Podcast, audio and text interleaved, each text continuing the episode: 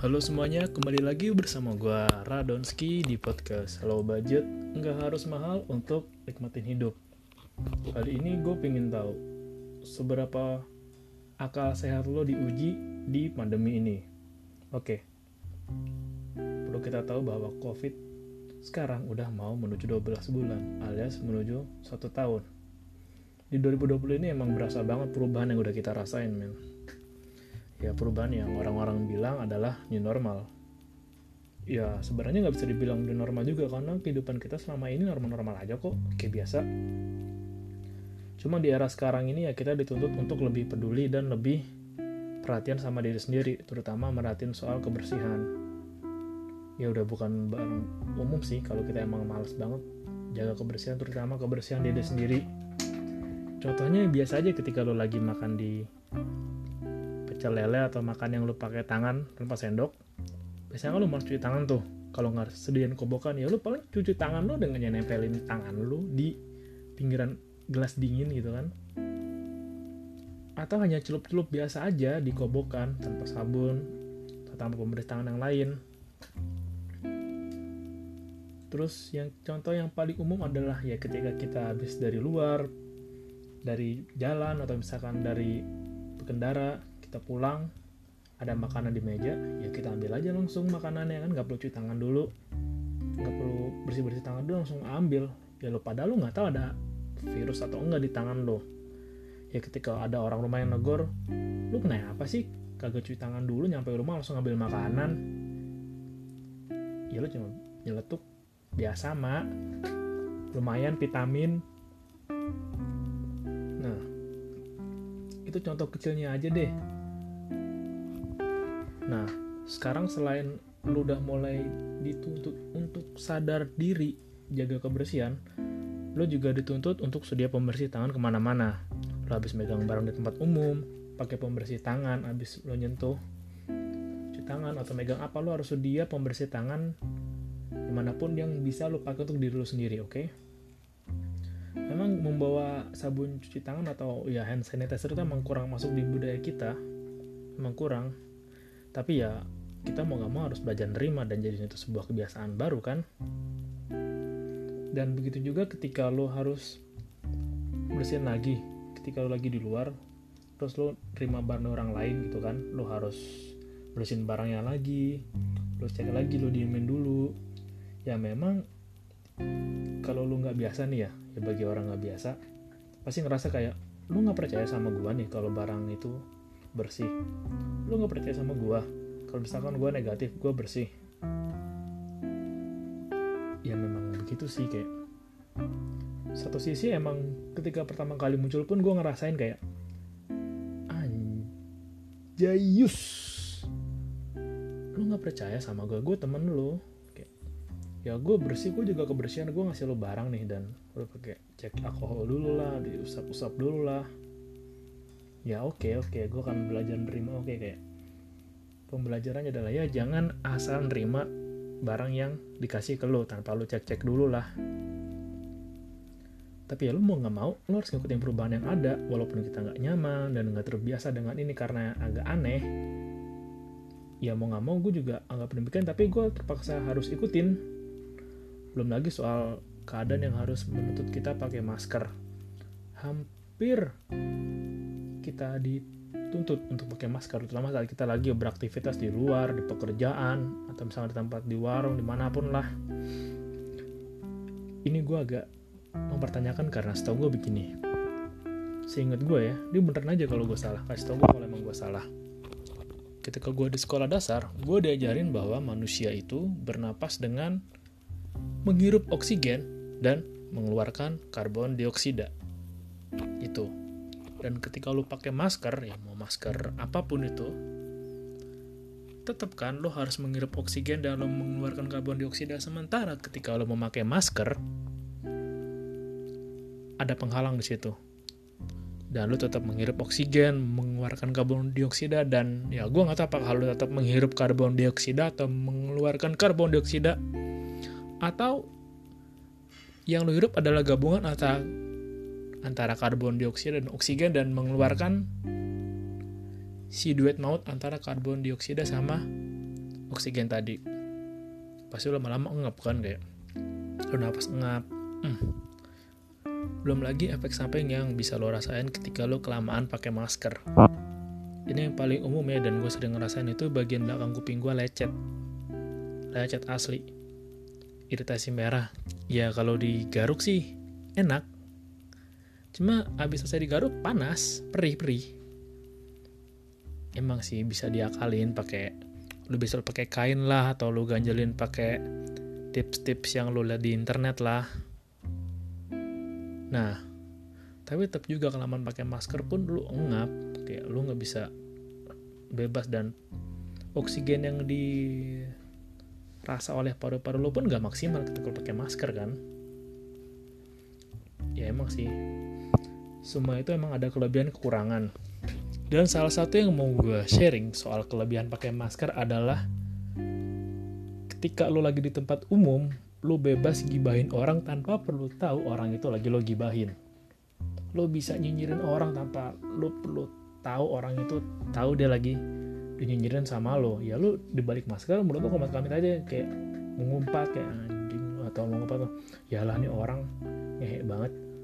Atau misalkan ya anjing nih ganggu gua jalan apa pun itulah lo bisa mengumpat atau memaki orang tanpa perlu ketahuan tanpa perlu gestur mulut lo ketahuan karena bersembunyi di balik masker. Nah tapi tetap sih salah satu juga selain lo bisa menyamarkan apa yang lo ingin umpat adalah lo gak perlu takut ketahuan ketika lo lagi nguap ya karena lo pakai masker kalau nguap asal nguap lo nggak gede aja nggak sampai keluar dari masker kan. Lo nggak perlu takut ketahuan. Misalnya lagi di kantor lo gitu ngantuk terus lo jenuh bete lo nguap nguap aja santai orang nggak ada yang tahu kok. Nah gitu kan. Nanti kalau misalnya ada yang nanya kamu ngantuk kamu nguap? Hmm enggak nih. Bilang aja. Lidah lo lagi gigit. Atau misalkan ada ada ada bilang aja kaki lagi keinjak apa kek atau kebentur apa kek atau misalnya lo lagi kaget ngeliat lagi rame penurunan baliho gitu kan atau ada lo kaget ada orang yang rame-rame nyembah baliho ya lo cari-cari cara lah untuk ngakalin cara itu.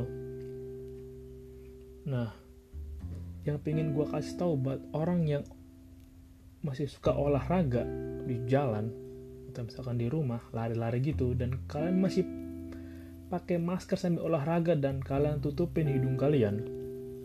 Lo mantep coy. Mantep lu asli. Mantap. Salut gue salut. Karena memang gue yang coba lari pakai masker aja engap men. Dan itu badan lo lagi lagi panas ya. Lo butuh oksigen yang banyak untuk otot-otot di badan lo itu bergerak lah. Dan lo oleh olahraga kardio pakai masker. Mantap. Salut gue. Ya tapi memang sih akal sehat itu udah mulai diuji di pandemi begini. Sangat diuji. Akal sehat gue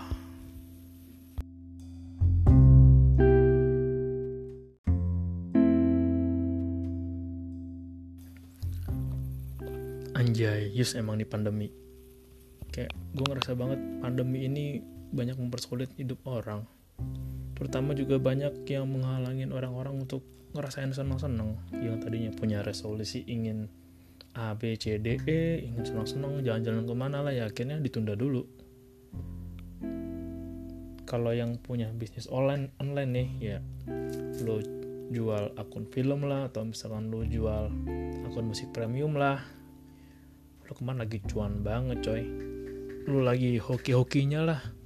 Kayak kemarin saya ingat gue aja ketika pandemi ini mulai muncul bos Netflix bos Spotify itu cuan gila banget kayak orang-orang jenuh orang-orang bosan orang-orang. Nggak bisa ke mana-mana stay di rumah di kamar. Bagi yang positif ya mau nggak mau mereka harus isolasi diri mereka sendiri bosan lo kalau di kamar sendirian lo nggak punya hobi lo nggak punya aktivitas rutinitas atau target ya lo ngapain selain nonton film atau dengerin musik? Ya lo sekedar membunuh waktu cara lo cuma itu. Ya kan? Kecuali emang lo punya hobi misalnya main musik ya lo pasti main musik lah atau lo gambar gambar cuman ya ada kalanya orang pun bakal bosan dengan hobinya. Pelariannya ke mana ya nonton musik nonton musik. Nonton film denger musik. Yang cuan siapa? Yang punya bisnis itulah. Ya makanya ada yang bilang ini ada rahasia di balik covid atau ya sebutnya konspirasi. Cuman gue nggak mau bahas terlalu jauh ke sana lah. Yang paling nyesekin selama pandemi ini adalah ya banyak bisnis yang hancur turun. Bukan hancur lagi mungkin luluh lantah. Udah nggak tahu mau ke mana dan ngapain terutama bisnis IO event-event acara musik live konser wedding terutama. Ya mereka kan ada orang-orang yang mengandalkan hidupnya dari acara-acara atau senang-senang orang. Ya kayak wedding lah atau acara musik lah. Dan ya karena emang keadaan begini ya mau nggak mau mereka off. Mereka ya nggak mungkin dong mereka digaji toh si pengelola IO aja nggak dapat orderan mau gaji dari mana mau uang dari mana. Yang ada ya kalau kata Bang Adal nih fasenya fase mantap makan tabungan ya kan? Seminggu dua minggu terus makan tabungan setidaknya untuk survive lah karena lo tahu sendiri kan? Ketika Maret itu orang-orang udah pada mulai gila dengan panik-paniknya kayak apa. Nah, belum lagi ketika udah makan tabungan lo lama-lama makan aset, ya kan? Apa yang lo punya jual untuk bertahan ya. Untuk beberapa perusahaan mungkin ada yang perusahaan bisnis atau IO masih ada yang baik mau gaji karyawan mereka ya mau nggak mau para bos ya jual aset mereka punya untuk bisa gaji karyawan itu gue salut banget sih gue sangat menghormatin dan segan respect banget gue sama bos-bos yang tetap berusaha gaji karyawan mereka padahal nggak ada pemasukan di bisnis sama sekali. Dan lama-lama tinggal manut makan utang. Nah makan utang lo pinjem untuk kebutuhan pinjem untuk kebutuhan. Gue ngerasain sendiri karena orang tua gue punya bisnis penyewaan sound system. Selama dari Maret hitungannya lah Maret sampai Agustus mungkin itu kosong banget yang namanya orderan. Yang biasanya ketika musim haji lah atau mau puasa itu rame atau misalkan lagi musimnya rame ya rame. Cuman sekarang itu tadi fase makan tabungan fase makan aset. Pelan-pelan udah mau menuju fase makan utang. Dan itu sih terjadi di usaha orang tua gue. Karena gue juga lihat tahu sendiri bagaimana ada player pemain organ tunggal ya ini salah satu kenalannya relasi atau ya mungkin temannya teman dari tim bokap gue. Ya mau nggak mau dia pemain organ yang dia punya cuma organ. Ya dia jual organ untuk bertahan hidup. Kalau nggak salah tuh kejadiannya bulan April ya. Pas baru sebulan ya. Eh, lu ngandelin apa? Mereka tuh hidup dengan acara hidup dengan ya senang-senangnya orang. Mereka dapat pemasukan dari itu. Dan karena nggak ada acara nggak ada nanggap sama sekali. Dan untuk mereka ngadain online pun ya gimana? Karena mereka konvensional dan belum bisa kan wedding online apa online kayak beberapa waktu yang terakhir. Ya akhirnya mau nggak mau aset yang mereka punya jual.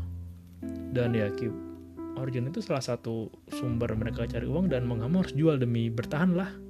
Demi menyambung hidup beberapa waktu ke depan dan wah itu bener-bener sih bener-bener sebenarnya banyak banget yang yang kalau lo lihat lebih jauh lo lebih dalam banyak banget bisnis yang roboh.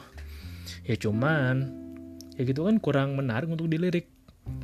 Dilirik media atau dilirik pihak-pihak yang harusnya bertanggung jawab terhadap pengusaha ini. Mereka lebih senang soal perhatiin ramenya masker kemarin. Kayak masker tiba-tiba jadi barang gaib di Maret gue inget banget kayak lu bayangin masker itu ada orang orang kita sendiri nih nimbun masker. Lu nimbun banyak lu jual lagi dengan harga yang tinggi. Lu bisa bayangin nggak? Kayak saudara lu nih ada orang yang jual masker sudah jual dengan tinggi. Ya kan gak semua orang tuh punya duitnya banyak ya apalagi di kala pandemi. Ada yang harus di PHK secara sepihak lah ada yang kontraknya habis lah dan untuk bisa bertahan pun mereka harus paksa beli masker yang harganya jauh berkali lipat dari harga normal. Ya uang dari mana? Kalau emang tuh uang bisa di download dari internet atau misalkan uang itu bisa lu bikin sendiri gitu kan lu ada punya kartunya lu punya kertasnya lu cetak lu print lu kasih stempel lah hologram ya ya itu terserah ya nggak masalah lah cuman men lu masa lu ada gitu orang tega nyalakan saudara lu sendiri? Ada gitu. Kan ada lu. Makanya gue heran sama orang-orang yang bisa nyakitin saudaranya sendiri. Heran tuh gue. Dan makanya ketika kemarin pas harga masker normal ya mereka jual banting harga semurah mungkin ya itu karma lo lah. Gue nggak peduli lu untung apa rugi ada jual dia jual borongan lah bantu kakak. Ini kemarin jual modal masuk 100 juta barang untung 300 juta tapi ternyata malah blokok. Yeah. ya lu gila aja saking gak adanya masker impor dari luar yang nggak jelas asal usulnya nggak jelas mereknya nggak jelas kualitasnya. Kalau masker bekas lu kasih ke saudara kita sendiri ya nggak cuma bisa kena penyakit covid men kena penyakit yang lain juga bisa nular. Kayak makanya nih akal sehatnya di mana men? Selama covid selama pandemi gotong royong kurang banget waktu itu waktu Maret ya. Dan emang Maret sampai Juni itu ujian yang paling besar dan berat banget sih dan ujian kesehatan mental. Hati nurani juga salah satu ujian yang harus dilewatin ketika pandemi kemarin. Yang paling nyakitin itu ketika lebaran iya lebaran ketika lo berkaca dengan keadaan di bulan November dan di bulan Juni lo akan melihat sebuah perbedaan yang sangat jauh dan sangat di luar akal sehat. Terutama pembahasan mengenai apakah orang boleh mudik atau enggak. Kemarin rame lah mudik atau pulang kampung atau apa itu istilahnya. Kalau dulu bulan Juni itu gue masih inget banget. Kita udah bela-belain, ya gue, keluarga besar gue, yang bisa kita mudik ke Jogja berharap bisa ketemu mbah kita. Tapi kita ngalah. Kita ngalah biar yaudah gak apa-apa aku nggak pulang. Yang penting dengan harap aku nggak pulang itu nggak bikin klaster baru di sana. Nggak nggak nambah kemungkinan risiko terburuk itu virus makin nyebar ya udah kita yang ngalah. Ngalah. Nggak ketemu keluarga di sana bisa ketemu setahun sekali. Itu kan yang gue nggak tahu juga sih bagaimana ekspresiin rasanya waktu itu. Terpaksa banget nggak nggak mudik. Ya nggak nggak mudik karena ketika lo mudik sampai tol apa gitu kan suruh putar balik kan apa pun suratnya apa pun ada alasannya ketika kita udah berusaha nggak cuma gue sendiri pasti juga banyak yang berusaha kayak gue nggak kita nggak ngalah nggak mudik biar di sana tuh aman. Gitu kan? Dan sekarang ya udah orang bebas berkumpul kumpul aja. Jangan kumpul lah. Yang masa yang paling banyak kumpul. Masa udah banyak kumpul kayak ya apa? Lu nggak percaya covid ya terserah covid itu ada lu nggak percaya karena itu konspirasi ya terserah cuma bertanya ada ya lu cobalah coba untuk lu main ke wisma atlet lu Coba rasain bagaimana rasanya orang-orang yang ditinggalin oleh keluarganya karena covid. Itu anjing. Karena gue agak keselnya gini. Ada, gue liat di Twitter sih, itu emang gue baca nyesek ya. Aduh, gila men. Lo bisa kebayang gak ketika misalnya lo ketemu, lo hari ini misalnya hari Senin, lo Senin masih ngobrol sama keluarga lo, nyokap, bokap gitu. Kadang tiba-tiba hari ini udah gak ada. Karena kenapa ya? Tiba-tiba nyesek. Nyesek gitu kan paru-paru nyesek. Mau nggak mau kan harus langsung dibawa ke rumah sakit dicek kalau emang positif langsung karantina. Gak lama juga misalkan ah, yang kemarin kena bos bapaknya gejala yang sama dicek positif langsung karantina. Dan minggu udah nggak ada. Dan lu nggak bisa ngelihat langsung. Proses pemakamannya ya pengajiannya dan lain-lainnya. Lu nggak bisa ngeliat langsung karena mereka protokol sesuai covid. Dan orang-orang ada di luar sana yang iya bodoh amat ya ya kumpul-kumpul aja kok covid nggak ada. Covid nggak ada. Covid itu konspirasi. Nah ini rasanya gue pengen berkata kasar sih kayak ya lu mungkin kayak gitu karena lu nggak ngerasain apa yang dirasain. Lu belum ngerasain apa yang orang-orang itu rasain. Jangan-jangan nih jangan-jangan ini sih yang paling gue khawatirin dan semoga aja opini gue salah soal ini. Jangan-jangan orang-orang yang kayak gitu tuh orang-orang yang punya prinsip bahwa ya selagi bukan gue atau keluarga gue yang kena ya nggak masalah lah. Suka-suka gue mau kumpul di mana mau main ke mana ketemu siapa gak usah ikutin protokol lah selagi bukan keluarga gue yang kena atau gue yang kena atau orang yang gue sayang gue yang kena ya nggak masalah. Ya semoga aja lah asumsi gue salah. Semoga ya. Dan ya itu emang kejujuran yang pahit sih yang pahit banget emang. Ada orang-orang yang satu patuh satu bodoh amat. Karena kembali lagi kayak beberapa waktu lalu pun ada sempat pertanyaan mengenai data jumlah masyarakat yang positif. Ini gue nggak tahu juga bener atau enggaknya apakah data itu asli kah atau data itu udah diotak atik kah. Ya gue awam banget untuk data ini karena gue bukan ilmuwan virus gue bukan peneliti gue juga bukan tim badan pusat statistik ya gue kurang tahu soal ini. Ya yang satu pertanyaan gue adalah bagaimana pandemi ini emang menguji banget akal sehat dan kewarasan kita dan salah satu hal ujian akal sehat yang gue rasain ketika pandemi ini adalah soal pekerjaan. Gue bisa observasi ya bagaimana banyak perusahaan atau usaha-usaha yang mundur yang nggak bisa ngikutin kemajuan itu nggak bisa mereka nggak bisa bergerak cepat mereka nggak bisa bergerak lincah ya karena mereka masih menerapkan cara lama. Ya old system doesn't work. Kalau lu nggak bergerak cepat ya lu pasti ketinggalan lu pasti ya hancur pelan-pelan. Pelan-pelan perlahan-lahan hancur itu kan menyakitin ya. Kayak lu dirusak dari dalam pelan-pelan pelan kondisi lu turun tiba-tiba drop. Dan di satu sisi ketika ada bisnis lain yang maju cepat karena emang mereka lincah mereka ramping bisa gerak cepat ah ada perubahan oke lah kita langsung adaptasi bla bla bla bla. Langsung kerja ala biasa dan memang udah terbiasa kerja dengan ritme yang nggak datang duduk kerjain kerjain tugas bla bla bla bla pulang nggak. Ya mereka udah bisa kerja di mana aja dari kapan aja nggak. Ya waktunya fleksibel jam kerja fleksibel itu emang tergolong selamat. Ya dibanding usaha-usaha yang kayak UMKM kemarin.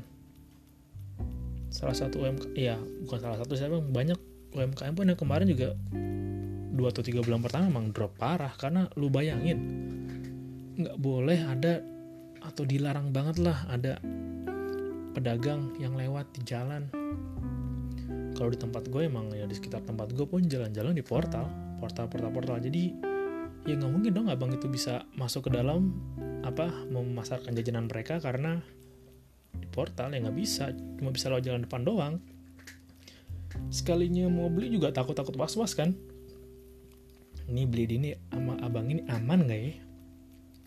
Abangnya sehat nggak ya? Ya abangnya juga khawatir. Ketika sama kayak lu nih pelanggan gue beli gini pelanggan gue sehat kagak ya? Ikutin protokol kagak ya? Habis dari mana pelanggan gue ya ya sama-sama. Itu krisis kepercayaan banget sih. Ya ditambah krisis kepercayaan ke pemerintah yang memudar yang menurun mudah menurun sih. Karena kita menganggap remeh covid di awal-awal tahun ya kan? Dan akhirnya boom. Hampir seluruh Indonesia kena dampaknya. Terutama para pedagang juga. Dan ya perlu kita tahu UMKM pedagang itu adalah penyokong ekonomi utama Indonesia kan? Ya lo harus terima fakta kalau emang UMKM itu salah satu penopang utama ekonomi Indonesia. Dan lagi-lagi karena berkat teknologi ya kebantu banget sih. Bagaimana UMKM yang kemarin udah ada yang menyentuh teknologi mereka bisa bertahan di kala pandemi ini. Jadi mereka tetap bisa fleksibel mereka tetap bisa bergerak di kala pandemi inilah. Ya itu yang bikin gue salut sama anak-anak muda Indonesia. Ya berkat teknologi ya ketolong kan akhirnya bisnis tetap bisa berjalan. Dan yang hal lain yang menguji akal sehat gue salah satunya ada ya, sepedaan. Men sepedaan men gitu ya iya sih. Sepedaan ningkatin imun. Cuman kalau sepedaan di kala pandemi ya emang olahraga. Iya olahraga tahu. Lu sepedaan cuman kan olahraga fisik banyak ya. Lu bisa push up lari aja atau lu angkat dumbbell. Meditasi juga bisa dibilang olahraga sih. Atau yoga dan sepeda. Lu pada lu bahagia juga bisa dibilang olahraga. Lu bahagia itu susah. Lu mesti ketawa lu mesti gerakin otot muka lu kan. Atau lu mencari bahan materi yang lucu lu mesti gali-gali dalam diri lu yang lucu juga olahraga juga olahraga psikis sih tapi sepeda men oke okay sepeda salah satu hal yang diminati ketika pandemi. Gue garu kepala dulu bentar, kepala gue gatel. Oke, okay, sepedaan ya, gak ngerti gue. Padahal ada peneliti bilang ketika lo sepedaan itu ya virus malah bisa nyebar. Karena kan lagi itu kardio, napas lo yang keluar banyak, lo lagi lewat keringat, itu virus bisa terbang. Kena orang ke belakang lu ke sekitar lu ke barang yang lu pegang. Dan ketika lo olahraga juga lo masih pakai masker full nutupin hidung lo. Salut gue lo mantap. Mantap lah pokoknya lah. Mantap mantap lah. Sepedanya harus pakai sepeda yang mahal. Atau seenggaknya punya merek. Ya satu lagi emang salah satu akal sehat dan kewarasan yang diuji adalah bagaimana bertahan hidup. Ya ketika lo seorang karyawan biasa lo dikurangin atau lo dipecat sepihak dari perusahaan karena perusahaannya ada yang kolaps ada yang nggak bisa bertahan harus yang ngurangin pegawai demi perusahaan bertahan ya nggak mau pasti lo akan jual apa yang lo punya nah di sini kewarasan dimulai ada orang-orang yang harus ngerelain apa yang mereka punya, apa yang mereka senangi harus mereka jual demi bertahan hidup. Salah satunya ya barang koleksi lo, barang yang hobi lo. Ya lo misalkan hobi tanaman, lo hobi sepeda, lo hobi action figure, lo hobi mainan lah, atau misalkan lo hobi koleksi perangko, atau barang-barang jadul, lo harus ngalah lo harus belajar berdamai dengan diri lo sendiri dan memasukkan logika ke akal sehat lo kalau ya ya udah nggak apa-apa gue kehilangan atau harus melepas untuk sementara barang-barang hobi gue demi bertahan hidup dan lo tahu sendiri di kala pandemi gini kan daya beli itu kan turun. Ketika misalkan harga standar yang misalkan harga sebuah gelas jadul satu juta misal lu beli ya satu juta dua ratus lu nggak mungkin jual sejuta dong. Orang juga ngapain gue beli barang koleksi di kala lagi pandemi? Lu pasti bisa jual 500 600 ya. Yang penting tuh barang laku gue dapat pemasukan buat kebutuhan gue. Pasti kayak gitu ya oke okay lah kita damai sama akal sehat. Ya udah nggak apa-apa kehilangan. Kehilangan sementara gue nyebutnya sih. Ya karena gue percaya itu masih bisa dicari. Tapi emang itu yang bikin nyesek. Karena pasti bagi orang-orang yang mengkoleksi sesuatu ada cerita-cerita di balik barang yang mereka punya. Ada cerita senengnya lah ada cerita sedihnya lah perjuangannya dapetinnya lah perjuangan nyarinya lah perjuangan perjuangan nemuinnya lah banyak lagi banyak. Dan ya aduh bisa panjang nih. Gue ada 20 menit kan gue ngomong sendiri. Ini juga udah dibagi ke dua part. Oke ada lagi sih yang mau gue share soal ujian kewarasan di tengah pandemi ini. Ya nanti gue siapin dulu materinya ya kalau udah siap gitu. Setelah gue, gue coba sekarang ngetik sih apa yang gue sampein. Biar gue bisa lebih bebas dan lebih bisa nyampein apa yang ingin gue komunikasikan. Oke? Terima kasih udah dengerin. Sampai jumpa di episode berikutnya. Salam low budget nggak harus mahal untuk nikmatin hidup